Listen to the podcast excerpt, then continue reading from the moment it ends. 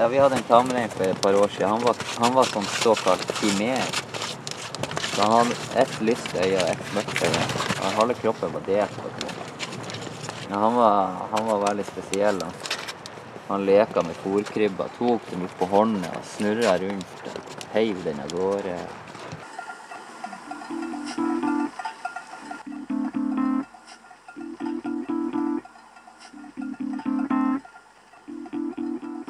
Familien vår har nå vært hva er det de skriver i de her Fauske-boka? Satt sitt preg på lokalsamfunnet i over 100 år. Så. Man, blir jo, man blir jo med en gang sett når man er den eneste som driver med reindrift i denne delen av Fauske. Det er jo vi og, og kanskje noen få, få på kysten her litt sørafor som driver på den måten som vi gjør. Nei, litt sånn gammeldags til fots og og med tam, mye med tamrein. Jeg vet veldig lite om de lokalt i Salten utenfor mitt eget reinbeitedistrikt, for jeg fer aldri i de områdene. Det er en sånn stilltiende avtale mellom reisutøvere at man, man, gjør på en måte ikke det. Det er ikke vanlig at man fer og går i andre sine fjeller. Ja, jeg heter Mats Jonas Pavald, og jeg er 34 år. Er reindriftsutøver av yrke, så jeg driver med rein. Jeg bor på Fauske. Ja, jeg har studert eh, i min ungdom. Altså, studert, studerte bl.a. arkeologi.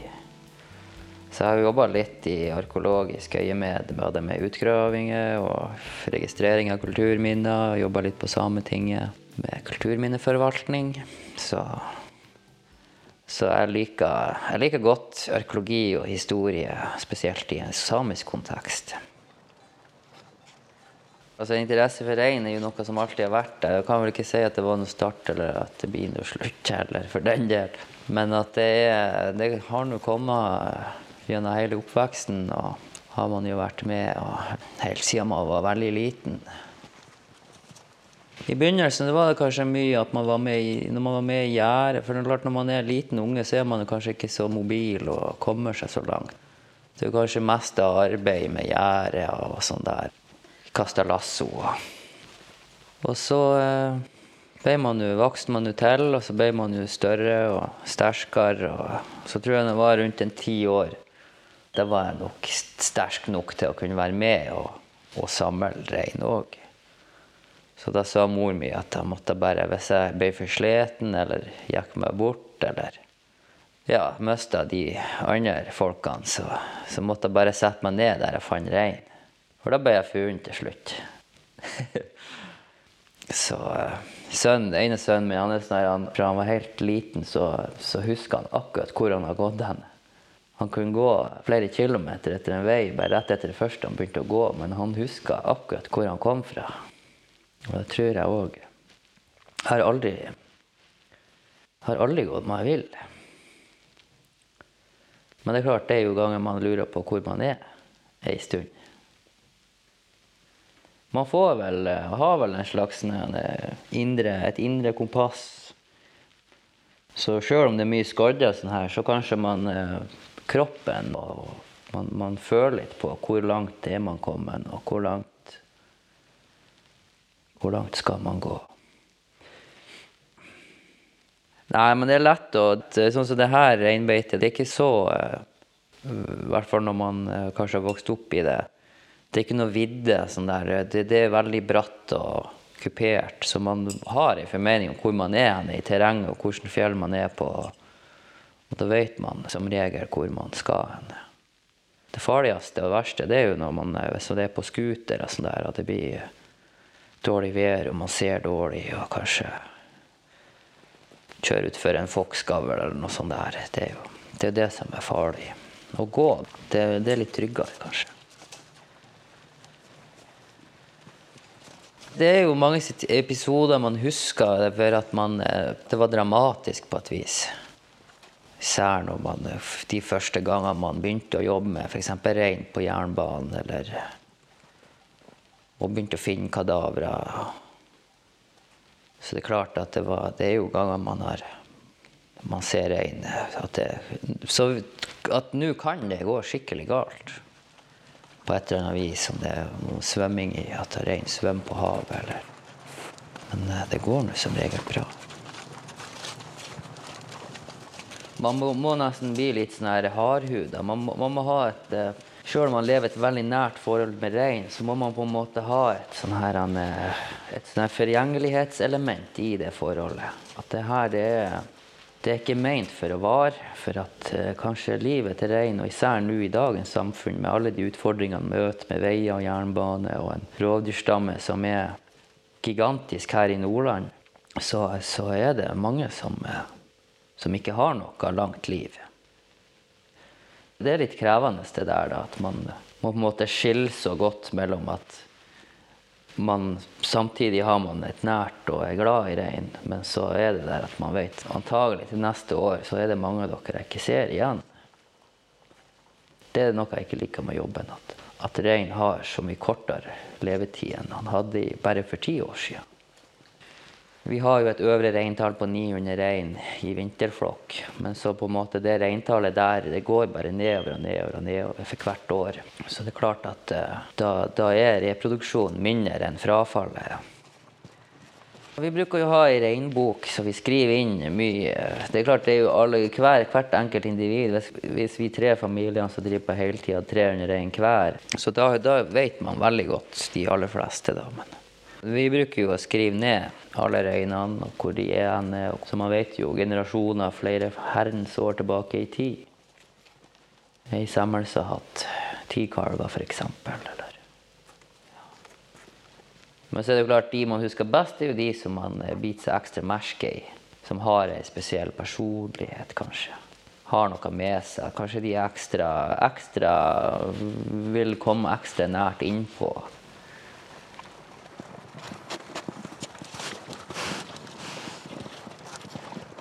Han der, han, han på sammen så kaller seg for en olmotsofa. Det betyr en rein som er en menneskefølge.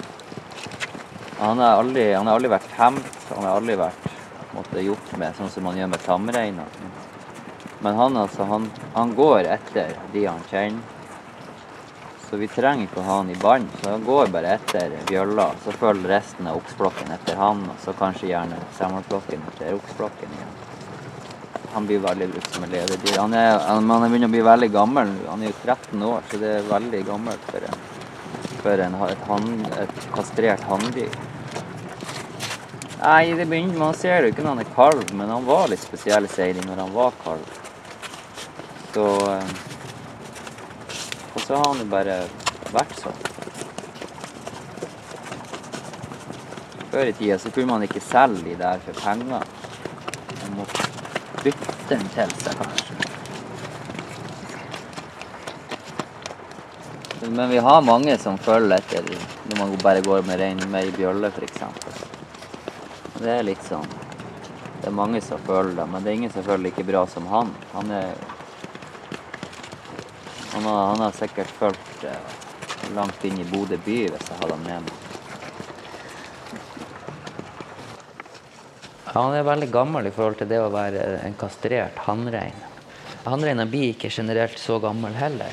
De vokser fram til de sju år, og så blir de egentlig bare mindre og mindre. Som regel bruker man ikke å la de bli så gamle, men hvis de har en sånn spesiell oppgave, at de er en følgerrein, eller at de har en oppgave i flokken, så får de jo leve lenge. Klart En, en veldig stor okse han, han spiser veldig masse beiter. Og da er det bedre at det er semmel og kalver som får utnytte de beitene, i stedet for at man skal ha masse okser.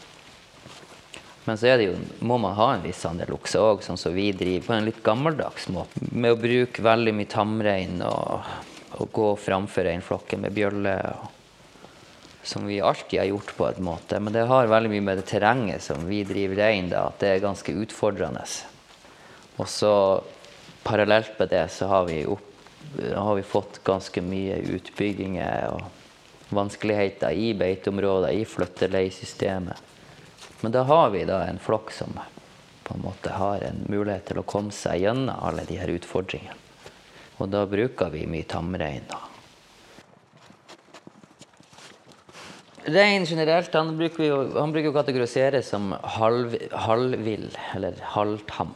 Han er ikke tam som ei ku eller som en hund, eller på den måten. Ikke sånn domestisert. da. Men han er ikke vill som et viltdyr. Han er som en mellomting av det. Eh, kanskje når det gjelder vår rein, så er han eh, kanskje like mye tamdyr. Vi har jo jobba jo veldig intensivt med han, så det gjør jo at man får komme veldig nært, nært han.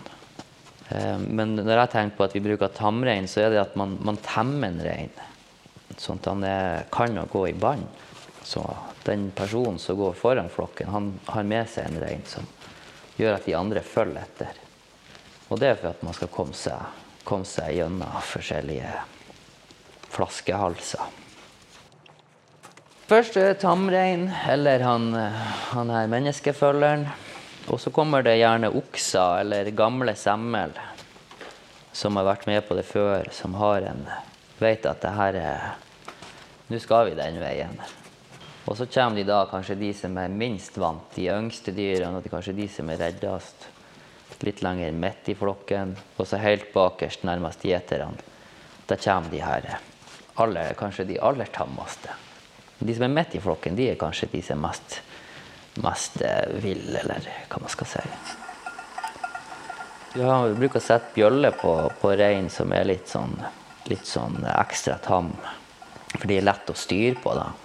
Sånn at uh, de på en måte holder litt igjen i flokken. da. Hvis det er en del av flokken som skjærer ut i ei side, så skal helst ikke Hvis det da er feil side, så skal han ikke være så snar etter resten av flokken. da. Så da er det gjerne, noen har man gjerne sånn litt tamme dyr helt bakerst. Men de innordner seg det sjøl, så det er vi som på en måte plasserer bjølla ut ifra hvilke egenskaper de har. Mm, eh, bjølla har vel den funksjonen at hun De andre reinene hører hvor bjølla er, så det blir som en naturlig leder. Og det kan jo òg gi sin effekt i at en rein som kanskje var veldig god og, god og snill å ha med å gjøre, kan bli veldig eh, egen når hun får seg ei bjølle. Så finner hun ut at 'oi, jeg er sjef'. Så da kan hun plutselig bli gå fra å være en, et av de beste dyrene vi har, og så blir hun litt først da likevel. Så det kan hende at man må ta den av, da. Det hender. Det er jo et visst hierarki i flokken. Rein er ganske hard med sine artsfrender. Ei, ei sterk semmel, f.eks. Hun, kan, hun kan stå med ei fòrkrybbe og være stappmett, men så kan hun stå der og stange unna alle andre. For at hun er sterkest. Men hun trenger ikke maten, men hun kan likevel stå der og vokte. Det kan være litt forskjellig. Jeg ser veldig sånn, Har man hatt f.eks. en kalv med oksene her, de er ganske gentlemen. Så de lar andre slippe fram. De, de er litt som gutteklubben, greier med hverandre. Men det er klart at en kalv må jo helst ha en mor, da, for det er jo sånn den blir beskytta. Hvis kalven mister mora, så blir han gjerne i utkanten av flokken og veldig fort et uh, offer for rovdyr. Ei sterk semmel hun vil kanskje, hun bruker, bruker gjerne å holde unna andre semmel, eller holde andre reiner unna kalven. Og så graver jo ei grop, og den kan kalven være å spise i. Men hun kan gjerne òg føre og jage andre reiner bort, sånn at kalven får spise i den gropa der. Da. Og da er jo naturen ordna sånn at oksene har jo ikke horn på vinteren. Og er jo, oksene er jo gjerne det sterkeste dyret, og, og, vil da kunne komme seg gjennom best hvis det er et skarelag eller noe sånt. Og så kanskje han er veldig god å grave og sterk å grave. Og når han har gravd ferdig, så kommer semla og jager han vekk med hornene sine. Og så får kalven ete. Ja, de greier med kløvene, da. Framkløvene.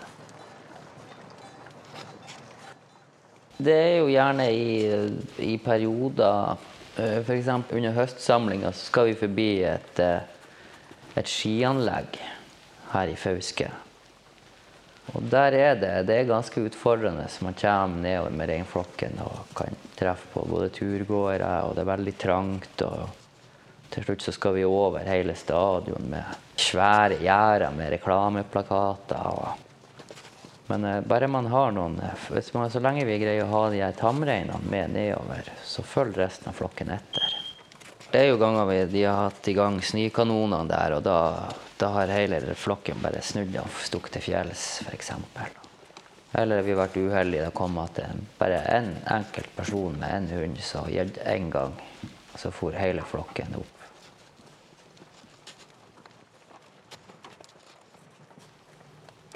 Reindriftsåret begynner jo gjerne der, i kalvingstida.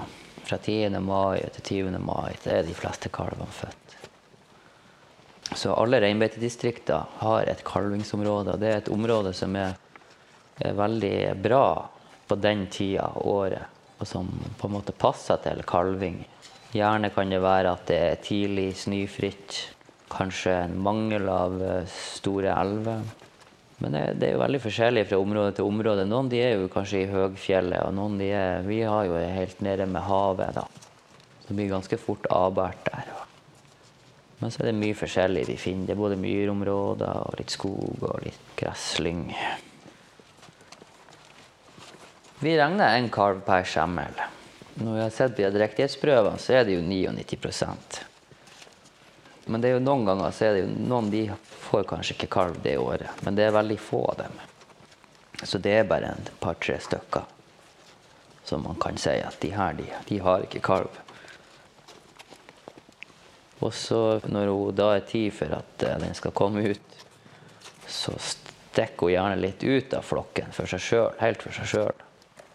Og den tida der er det veldig nøye at hun skal bli forstyrra, for da skal hun på en måte prege Hun skal hun eh, møte kalven sin, hun skal få gjort det hun skal få gjort for at hun skal binde denne relasjonen til kalven, sånn at hun skal ta vare på han.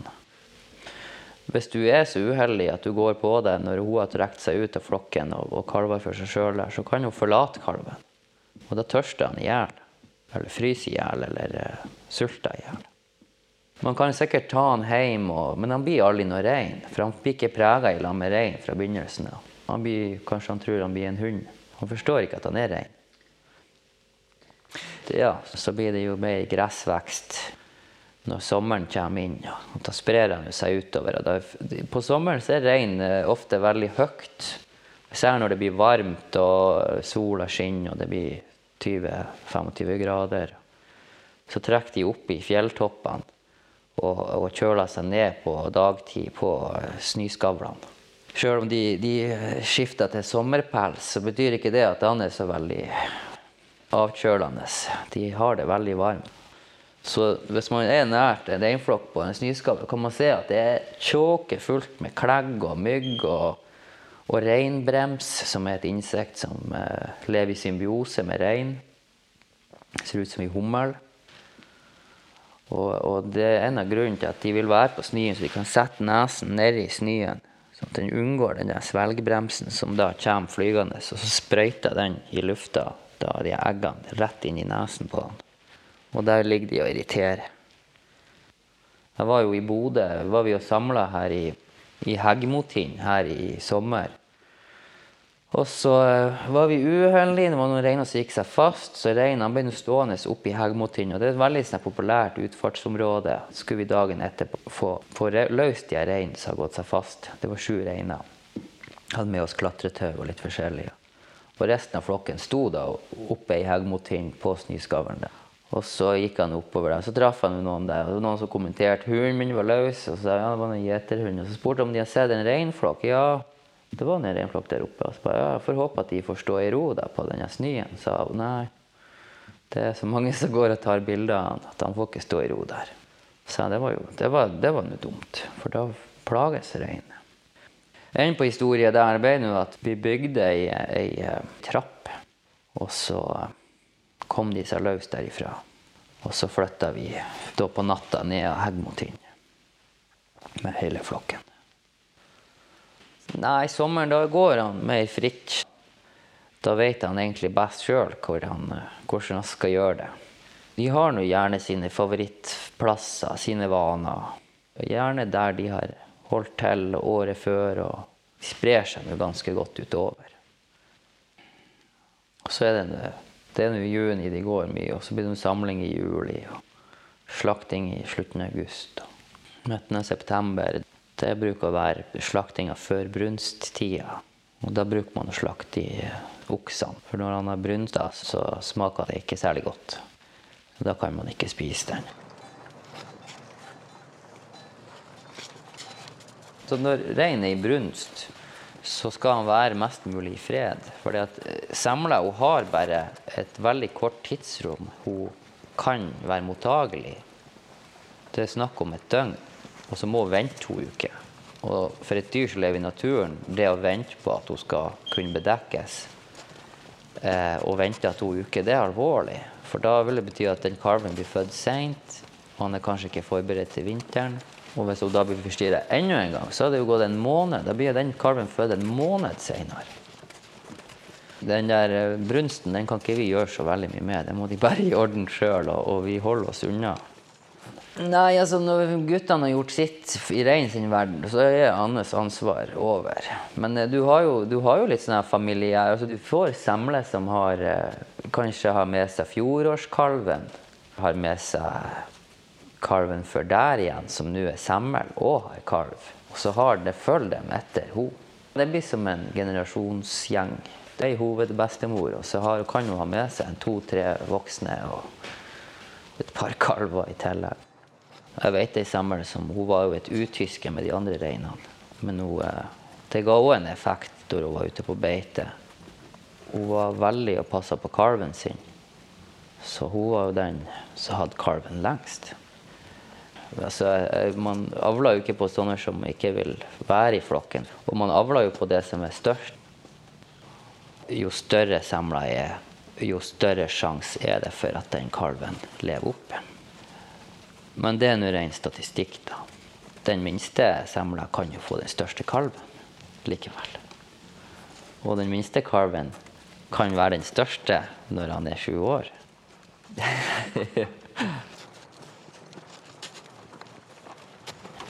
Så da kommer nå høsten, og så og så når, I løpet av høsten så har vi høstsamlinger, og så flytter vi på vinterbeitene. Det kan være både vinterbeite her mot svenskegrensa, eller det kan være vinterbeite helt ytterst på kysten. Alt ettersom hvordan forholdene er. Og I år har vi vært her øst for E6-en, men ikke så langt inn i fjellene. For det, må, sånn som det er blitt nå med rovdyrsituasjonen, så må man være ganske nært de her gjerdene bare i sånn her beredskapsøyemed, for at reinen får ikke fred. Han, han blir bare jaga ned.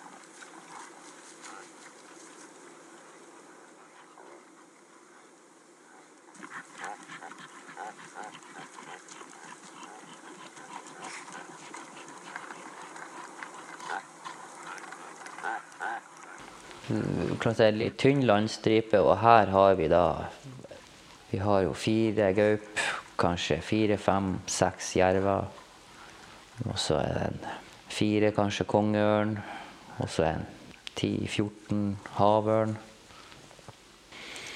I Nordland har vi ikke de her Vi har jo ikke hjort. Vi har jo nesten ikke rådyr. Så det er jo ikke så mange andre byttedyr på vinterstid enn rein. Men sånn så har du denne forandringa man har i, eh, i måten vi driver fiskeriene på. Både det her med at det er få fjordfiskere, men nå er det jo også blitt det at nå sløyer man ikke fisken. Man hiver ikke ut det sloet lenger. Vi ser jo òg på rein når vi slakter den, og især kanskje rein som er, fra, som er med mer tilhold på kysten, de har ofte sår etter angrep fra ørn. Og det er jo de gangene det har gått bra, men, men klart hvis rein blir skada, så kanskje han til slutt så trekker han ut. og og så finner ikke vi den, og så Men de her åtseldyra, de finner han til slutt. Så man kan vel egentlig si i praksis så spiser havørna opp maten til jerven. Fordi at hun har begynt å Hun er veldig nå oppe i høgfjellet mot svenskegrensen. Hun livnærer seg av de kadavrene til rein. Og det som skjer da, er jo at, at en jerv som får ha et kadaver i fred, han, han parterer det, og så får han å bære og gjemme det vekk. og men det er klart, når, når det er så masse havørn og, og andre råtselfugler som på en måte bare et opp det her, så har han ikke noen mulighet annet enn å ta nye, nye reiner. da. Så det er en, det er en, en menneskeskapt naturforandring nå som, som rett og slett rammer, kommer til å ramme hele økosystemet hvis ikke vi tar noen grep snart. For at uh, på en måte så er det bare gjennom at det er en reinsutøver at, at arten rein kan være her. Og rein var jo den første arten som kom hit etter at isen trakk seg tilbake. Du vil ikke få noe bærekraftig villreinbestand her. For de her områdene de er så oppstykka, så han vil ikke av seg sjøl finne fram mellom årstidsbeitene. Altså Skal man drive naturforvaltning og naturbevaring, så må det være det at man, man i størst mulig grad opprettholder, opprettholder økosystemet.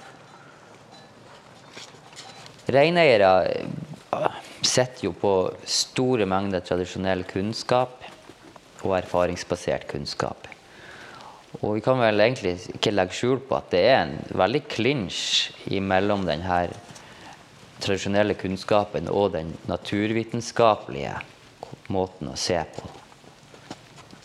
Eh, det er noe feil med måten eh, staten ønsker å finne kunnskap da. For at de, det kommer jo ei sånn bestilling, da.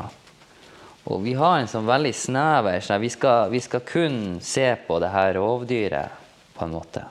For en art han, han lever ikke bare av seg sjøl, helt sjølstendig. Det, det, er det, det samspillet og det økosystemet den er en del av, og at det er fungerende. Det er jo det som opprettholder den arten.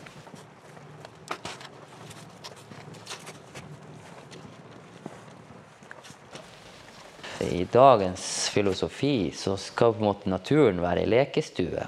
Du skal liksom ha, Det skal være svære hytter, og det skal være helst skuterløype dit. Og det skal være ønske om å flyges inn med helikopter, renne med, med skien eh, fra fjelltoppen. og, og på en måte man, man, vil bare lenger og lenger ut i naturen, men om det er for at man vil lenger vekk fra den sivilisasjonen man sjøl har skapt, f.eks. rundt Bodø, der, blir naturområdene bare mindre og mindre. For at det på en måte tilrettelegges bare enda mer og lenger og lenger inn i, i, i fjellene og inn i, i, naturområdene. Så en tursti er jo altså Det er jo forskjell på om det er én person som går der, eller om det er tusen stykker som går der.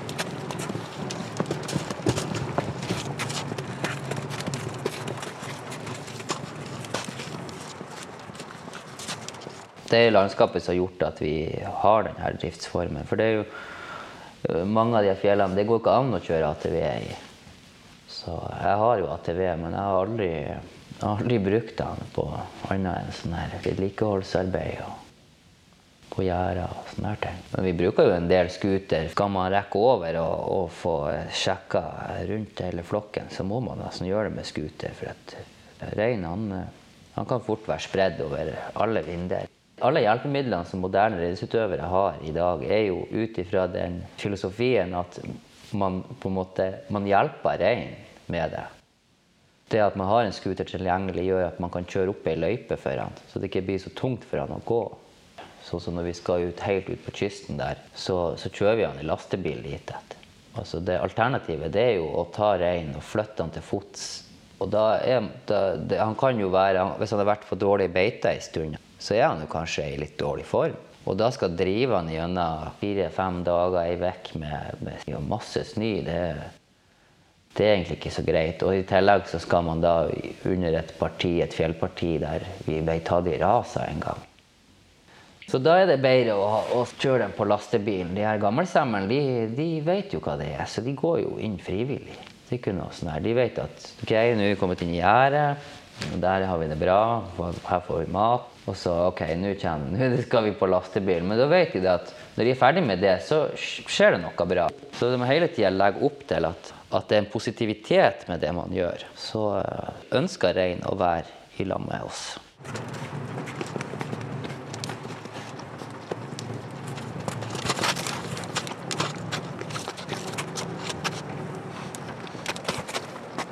Reinene er jo en uh, ja, han har nå et indre system som gjør at han, det er en bakterieflora i vomma. Og det er denne bakteriefloraen og den prosessen der rundt det som gjør Det er det han på en måte utnytter, da. Den her yoghurten i magen. Det er den som man får næringen ifra. Det, og det gjør jo det at man må være, holde på med de her overgangene fra naturbeite til eventuelt pellets og rundball og, og reinlav. At når han kommer i gjerdet og får mat, så må det være en litt sånn glidende overgang. Sånn at magen får tid til å omstille seg. Rein er det eneste pattedyret som kan utnytte reinlav og hvitkrull og de her lavtypene. Og lav i seg sjøl er, er jo noe av det første livet som oppstår. Men det er klart, de har holdt på så lenge i lag, rein og reinlaven, at han er på en måte blitt tilpassa det. Reinlaven er noe som, som funker med en gang. Så det er en hel, det er en hel prosess og et stort arbeid det her med å ha rein i gjerdet. Men aller helst så hadde jeg ønska at man kunne ha rein der ute, der han skal være. Da er han jo der i økosystemet. Da er han jo utfyller den rollen han skal ha. Men nå, når ikke han kan være der, så, så gjør han jo ikke det. Vi ønsker jo ikke at rådyrene skal utryddes på noe som helst vis. Vi vil jo bare at, at man opprettholder det her økosystemet, da. For at, eh, I Nordland så er det vel det at bærekrafta til rådyrbestanden den baserer seg på den bærekrafta som beitedyrbrukeren har. da. Hvis ikke jeg har et utkomme av det, så kan ikke jeg være reindriftsutøver. Hvis ikke han som er sauebonde har et utkomme av det, så kan ikke han være sauebonde. Og da forsvinner dyra. Men da forsvinner jo også den matkilden til rovdyrene. For her er det jo ikke den hjorten, og her er det ikke det rådyret. Og harebestand og ripebestand er jo på rødlista.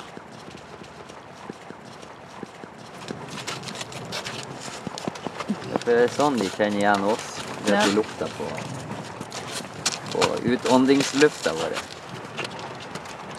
De ser det ganske godt, men eh, det er vel det at de har vel en annen måte å tenke og huske på. Fordi det er jo sånn de eh, på en måte peker ut andre reiner i flokken òg. Når de, de, lukter hverandre der bak. og De prøver å ha en slags kart over hvem de andre reinene er, på et vis.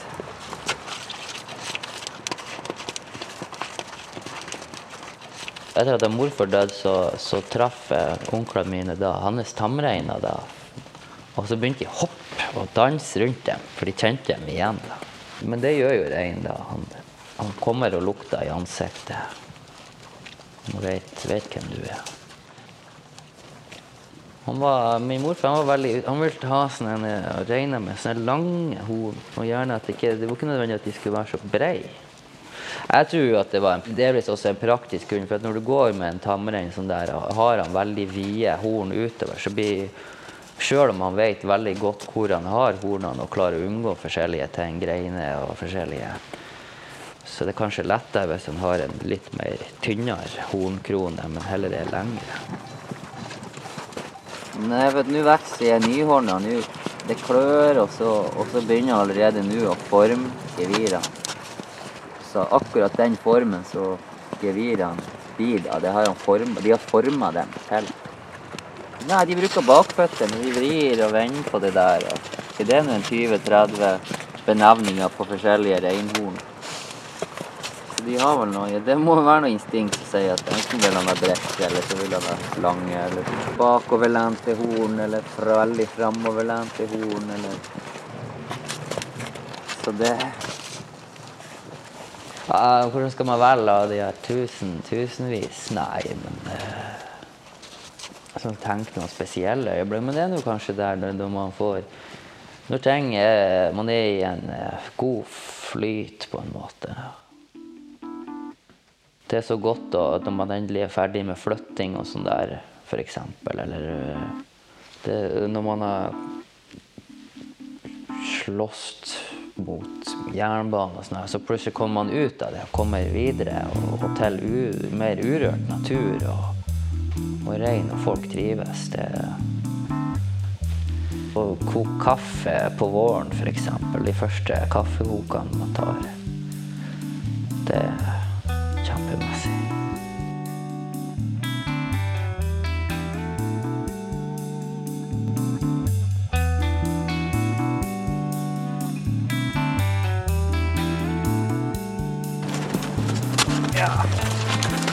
Nei, det må vi spare til den som trenger mest. Her må vi har vi vært helt nesten til Stockholm. 30 mil.